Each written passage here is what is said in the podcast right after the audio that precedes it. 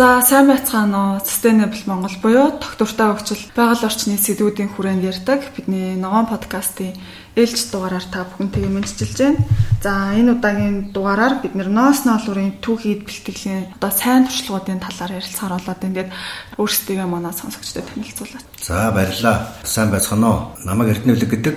За би Франц улс төвтэй хэл хязгааргүй малын эмчнэр ба агрономчд гэсэн олон улсын байгууллагт ажилладаг. Манай байгууллага маань дэлхийн 20 гаруй орнд өрхөн амьжиргаа дэмжих ялангуяа хөдөө аж ахуйн чиглэлээр олон төрлийн төсөл хөтөлбөрийг хэрэгжүүлж байна. За тухайлах юм бол 2015 оноос Монгол улсын Баян хонгор аймагт 5 суманд чиглэсэн доктортой ноолор төслийг хэрэгжүүлж байгаа.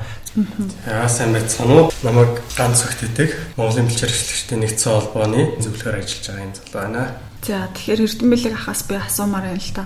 Холбооныхоо талаар таныг товч танилцуулаач. За гол үйл ажиллагаа түрүүн хэлсэн одоо өрхийн амжиргааг дэмжих, ядуурлыг бууруулах цаашлаад одоо дэлхийн доллартай холбогдуулаад энэ байгаль орчны дороотолтой цөлжилтөд тэмцэх ийм гол чиглэлийг одоо эрхэм болгон ажиллаж байгаа.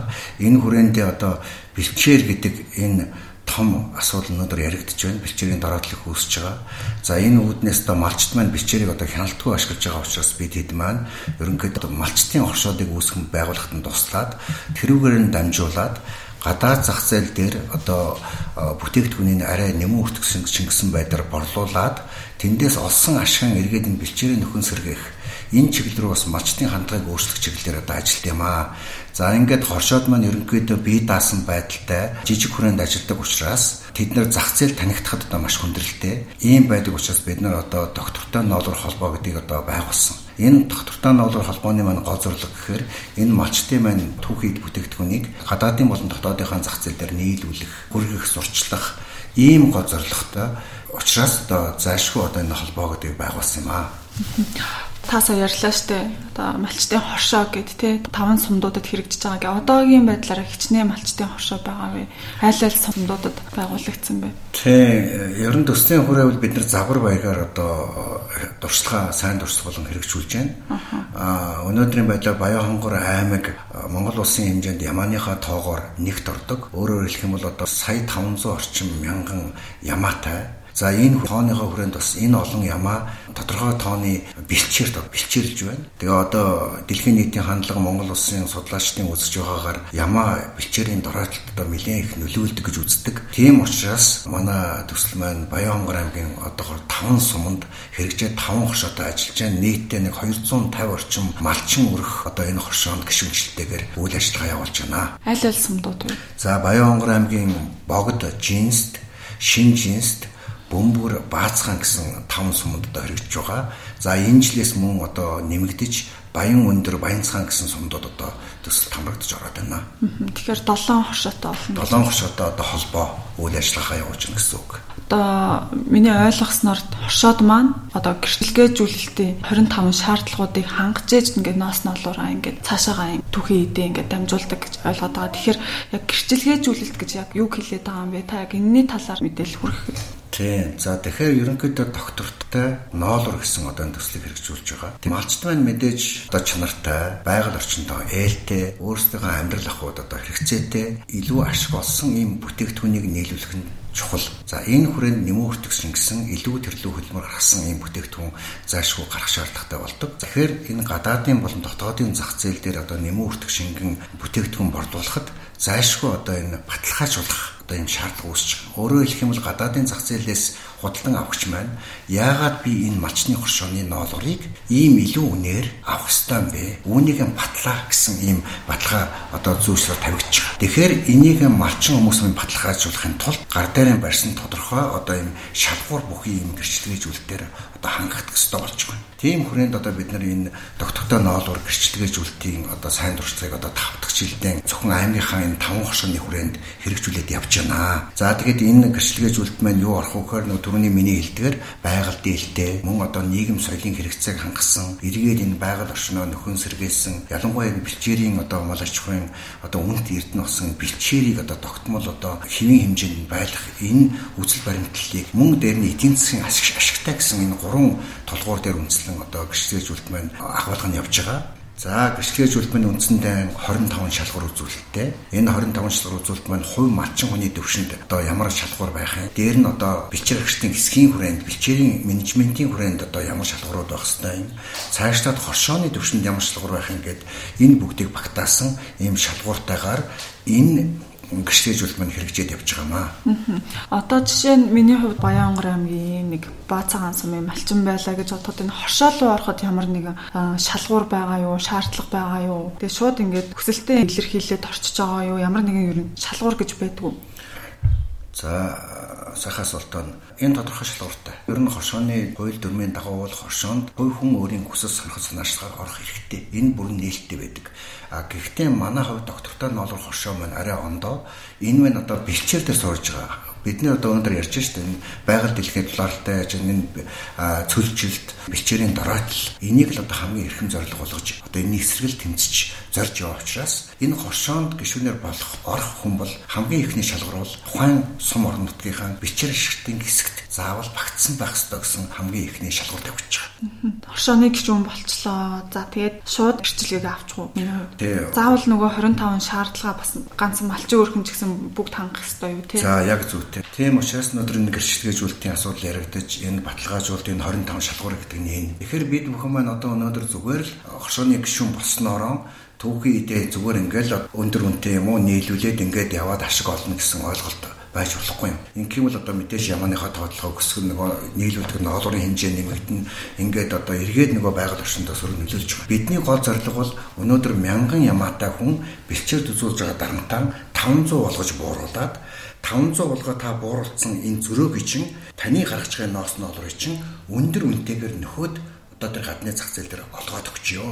Та энэ хариуд нь мянгаас авдаг ашгаа авчих нь бэлчээр төвчруулдаг дарамтаа нэг дахин бууруулчихна гэсэн үзэл баримтал явж байгаа. Гэрчлэгээжүүлэлтээр дамжуулаад одоо бэлчээр ашиглалтаа бас ингээд хэвийн байдалд нь ерөөсөө л гол зорилго тэр. Ерөөсөө л гол зорилго тэр. Одоо яг бодтой одоо юу гэдэг чи үр дүнд хүрсэн тийм жишээ байгаа юу? Та бас жишээ дуртаач. Тийм эхний ээж нь бид нар зөвхөн аймагтаа энэ төсөл хэрэгж байгаа таван суманд одоо яг загварлуулад явж байна.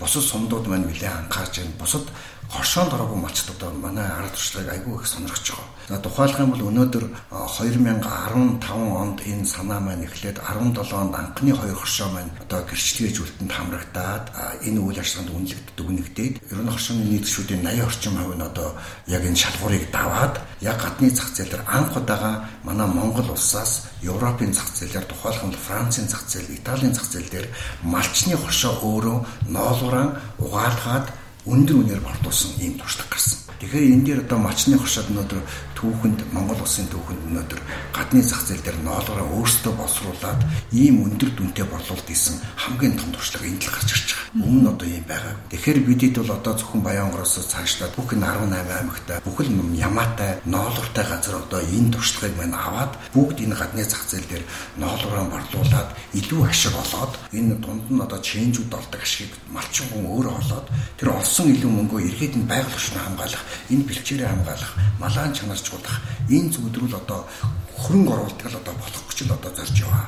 За дээр нь одоо бас нэг чухал зүйл бол бэлчээрийн маргаан одоо байхгүй болсон. Хуучин бол одоо бэлчээр бол хяналтгүй. Бэлчээр ашигтын хэсэгт малчд ороогүй байснаар бэлчээрийн одоо маргаан саахал дайлын хоёр хүн хоорондоо одоо муудалцж одоо ийм маргаан тасардгүй байсан бол одоо бэлчээрийн маргаан байхгүй болсон. Дээр нь одоо малчин хүн өнөөдөр бас сэтгэл хангалуун ноолуураа одоо тэр жилд ганцхан гардаг үнэтэй ноолуураа нэг захын ченжид зүгээр нэг үнээр өчгөөл явдаг байсан бол өнөөдөр тэрийг боловсруулад илүү ашиг олж болдог гэдгийг харсан. Дээр нь одоо тэр боловсруулалтанд анхан шатнаас бэлтгэлтэй хүртэл одоо хандлага их өөрчлөгдөж байна. Одоо тайлбарлал одоо зөндөн олон эерэг зүйлүүд ярьж болж байна. Гэрчлэгээжүүлэлтээ одоо 25-ын шалгуур үзүүлэлт байгаа шүү дээ. Энэ цаашид одоо шалгуур үзүүлэлт нь нэмэгдээд явахаар байгаа юу? Ирээдүгөө хэрхэн яаж харж байгаа вэ? Тийм, манайх бол одоо түрүүн хэлсэн доктортой нь болоор одоо төслийг хэрэгжүүлж байгаа хил хязгааргүй малын эмчнэр вагр номчд гэсэн олон улсын байгууллага. А бид нэр зүгээр юм загвар гэрчлэгээжүүлэлтийн энэ үйл ажиллагааг хэрэгжүүлж байгаа. Тэгээ энэ 25 шалгуур үзүүлэлт гэдэг маань яг хатуу биш. Бид нар нөгөө бидний анхны өөрсний бид манайхны санаачлаг энэ загвар учраас энийг бол одоо сайжруулах, цөөлөх, эсвэл өөр шалгуур оруулах боломжтой. Бусад одоо ижил төрлийн үйл ажиллагаа явуулдаг одоо жишээлбэл Монголын бичээр ашиглалтын үндэсний холбоо маань одоо бид нарт яг хамтран ажилладаг. Энэ газруудын маань хэрэгжүүлдэг үйл ажиллагаатай уялдуулах За мөн Монголын ноос ноолрын холбоо хөдөө аж ахуйн яамнаас гаргаж байгаа одоо ногоон гэрчлэгээ гэдэг ч юм уу энэ бүгдүүдтэй цаашдаа уялдуулаад платформ маягаар нэгдсэн нэг гэрчлэгийг үндэсний түвшинд одоо хөгжүүлэх боломжтой. А манай өнөөдөр хэрэгжүүлж байгаа энэ гэрчлэгээ маань зөвхөн орон нутгийн анхан шатны түвшинд хоршоодын түвшиндээ л одоо хэрэгжүүлж байгаа загвар байгаа. За ийм учиртай. За дээр нь энэ 25 шалгуур үзүүлэлт маань яг анхан шатны малчтын түвшинд орон нутгийн төрийн байгууллага бусад төслөх өөдтэй мөн шинжлэх ухааны үндэстэйгээр одоо судалгаа шинжилгээнд дээрээс гарч ирсэн 25 шалгуур үзүүлэлт байгаа. За энийг бол анхан шатны төвшөндөл бид нэр хэрэгжүүлэх боломжтой, хөгжүүлэх боломжтой загвар гэж л ойлгож байгаа сумын онцлог бий. Одоо сум орон нутгийн энэ онцлогоос ханшилтгаад хоршооны нөгөө бүтээгдэхүүн ондоо зарим сум маань одоо хамгийн сайн чанартай одоо ноолууртай, зарим нь одоо өөр өнгийн ноолууртай гих мэтлэн. За дээр нөгөө зарим тал газар, зарим нь уулгах газар байдаг учраас нөгөө ноолур битгэлийн хувьд хугацааны хувьд хугацааны хувьд бас өөр байна. Тухайлх юм бол уулын одоо өндөр уулын бүсийг бол нэлээд орой самнан а бас цэвэрхэн гарна. Намдур газрын талын буюу одоо говь талыг болохоор салхишуур хэрэгтэй учраас одоо жоохон шороо тоостой гардаг юм уу, хядах зэгтэй гардаг юм уу. За дээр нь мачтын маань арга зүгээс шалтгаалаад бас нэг цаг хугацаанд самнаагүй өстөд ноолын чанарт нөлөөлөх ийм жишээнүүд их байдаг. Тэгээд ялгаатай талуудыг мэдээж зохицуулж, сургаж одоо малчтаа одоо ингэж л ажиллаж байна. Тэгэхээр ноос ноолуурын түүхийд бэлтгэл гэдэгт юуг ойлгох вэ? Тэгээ бэлтгэл үе шат яагаад чухал вэ гэсэн асуултыг бас асуумаар санагдаж байна л да. Тэгээд Миний хувьд гэх юм бол бас төдийл нь яг ингээд бэлчээр ашиглалт эднэрийг бас газар дээр нь сайн мэдхгүй тэгээ хотын хүүхд болохоор түүхийн идэ хэрхэн яаж бэлтгэдэг талаар төдийл нь нэг сайн ойлголтгүй байгаад идэг таныг надад ойлгомжтой байдлаараа гэмиг ингээд тайлбарлаад өгөөч. За баярлалаа. Тэгэхээр намайг ганц огт идэг Монголын бэлчээр ашиглагчдын нэгдсэн холбооны малчтын байгууллагын хөгжлийн зөвлөхөр ажиллаж байгаа юм зал байна. Сонсогчдод өнөөдрийн мэндийг хүргэе. Тэгээд ноос нуулуур бэлтгэлийн дээр бол одоо яг Боломж түүхэд бэлтгэл дээр нь одоо үндэслээд суурлаад. Тийм, суурлаад одоо сүүлийн одоо гэдэг олон улсын хэрэгцээ шаардлагад үндэслээд одоо малын тавлаг байдлыг алдагдуулахгүй байх гэдэг асуулмал байдлаар байдлаар би зохион байгуулж. За дэлхийн нийтээр бол одоо байгаль орчинд хэлтэй доктортой хариуцлагатай үйлдвэрлэлийн одоо чиг хандлагаар бол шилжиж байна. За энэ нь бол одоо үндсэндээ бол одоо түүхэд бэлтгэлийн түүхэд тавигдах одоо шаардлагыг бол одоо өөрчилж Өөрөөр хэлбэл одоо тухайн түүхэд бүтээгдэхүүн маань тийм ээ байгаль орчинд хэрэгэлтийн. А тухайн түүхэд бүтээгдэхүүн бэлтгэж байгаа одоо тэр тухайн малынхаа эрүүл мэнд нь ямар байгаа юм тийм ээ. А тэгээд тухайн мал бэлчиж байгаа эдээшж байгаа тэр бэлчээрийн төлөв байдал бэлчээрийн эрүүл мэнд нь ямар ингэдэг дээр бол одоо хэрэглэгч тэхийг анхаарах болсон. Тэгэхээр энэ дээр үндэслээд л одоо манай холбоо бол одоо яг энэ хариуцлагатай доктортой үйлдвэрлэлөө чиглэсэн малчдыг дэмжиж За тэдгээрийн үйл ажиллагааг одоо олон нийтэд таниулах. За тэдгээрийн одоо бэлтгэсэн түүхийд бүтээгдэхүүнийг зах зээлд холбож энэ ажлуудыг бол одоо зохион байгуулж ажиллаж байна. За энэ үндсэн дээр бол одоо сүүлийн 2 жилд бол одоо яг ноос ноолоор сарлын хөвөр дээр бол одоо голчиж ажилласан. Ингэснээр бол одоо үндсэндээ бид тухайн хэрэглэгчдэд тухайн түүхийд бүтээгдэхүүний гарал үүсэл түүхийг мэдхийн боломжийг бол одоо олгож өгч байна.